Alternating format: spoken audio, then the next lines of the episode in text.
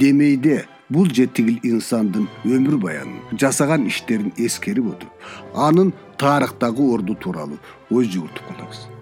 а бирок тарыхта калыштын миң бир эки жолу түрлүү оош кыйыштары болот эмеспи. Кээ бир ишмерлер нечен түрлүү иш жасап бирок бир гана иши же сөзү менен тарыхта аты калган учурлар көп кездешет маселен атактуу немис композитору феликс мендельсон бартольди көпчүлүктүн эсинде ар бир жолку үйлөнүү тоюнда көңүлдү көтөрө жаңырган маршы менен эсте калды. Баса бул чыгарма уильям шекспирдин жайкы түндө көргөн түш деген комедиясына карата жазылган увертюра болгон экен. Кийин аны мендельсон дагы бир нече темалар менен байытып чоң музыкалык чыгармага айланткан экен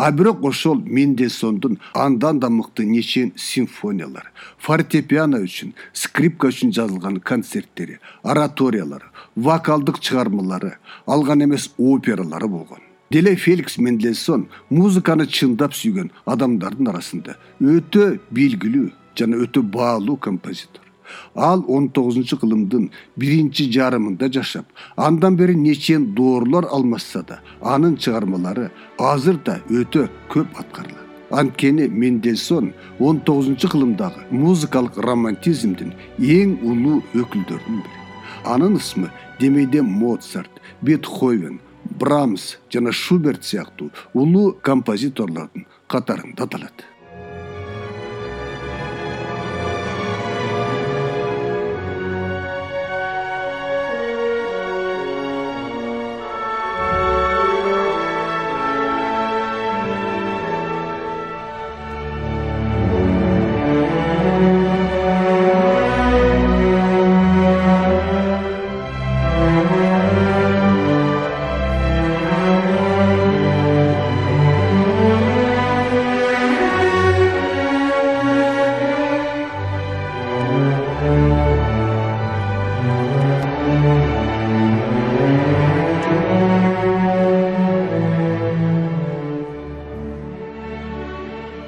музыкалык чыгарма мендельсондун атактуу гебриди же болбосо фингалдын үңкүрү деген увертюрасы муну композитор шотландияда саякатта жүрүп ал жердеги деңиз жээктеген асказоолорду жомоктогу баатырлар жашаган укмуштуудай зор үңкүрлөрдү көрүп ошонун таасиринде жазган дешет романтизм элден башкача каарман инсандарга суктануу жана маашырлануу ошол кездеги чыгармачыл адамдардын негизги идеясы же маанайы болгон эмеспи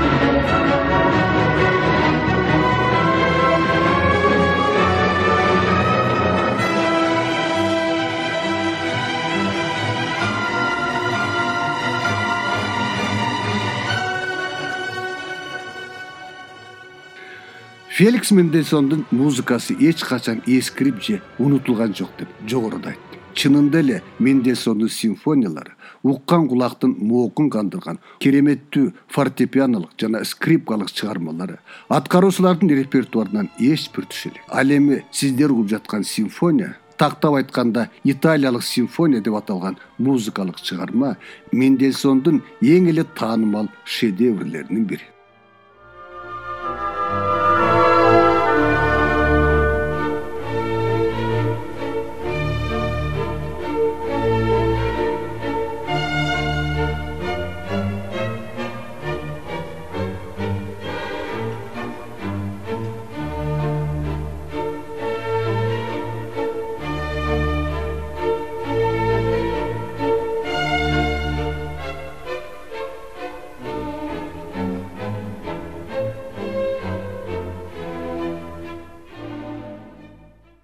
ушул эле катарда анын шотландиялык симфония деген чыгармасы турат.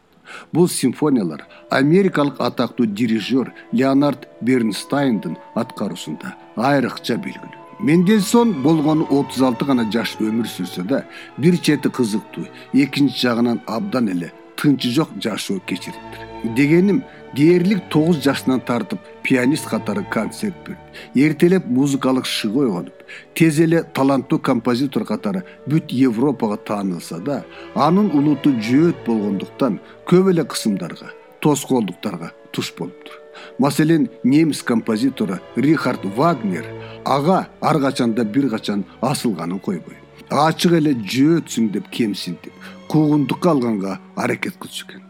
а бирок мендельсондун талантына таазим эткен улуу орус композитору петр ильич чайковский вагнердин бул жоругуна ачык каршы чыгып талант деген улутты эмес адамды тандай турганын айткан экен мендельсондун жогору баалагандардын арасында француз композитору гектор берлиоз немис композитору роберт шуман жана башкалар болгон. Баса роберт шуман сиздер жогоруда уккан үйлөнүү маршынын авторун. Башкача айтканда феликс мендельсон бартольдини он тогузунчу кылымдын моцарты деп атачу экен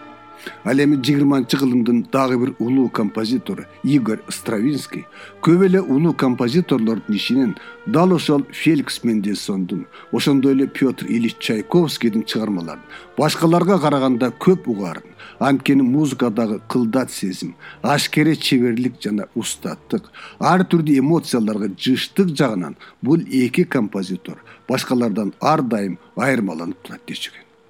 айтор он тогузунчу кылымдын моцарты атыккан феликс мендельсон бартольди негизинен жогорудагы үйлөнүү маршынын автору катары бүт планетага аттын кашкасындай таанымал болсо да анын толуп аткан башка чыгармалары адамзат маданиятынын баасы чексиз мурасы болуп саналат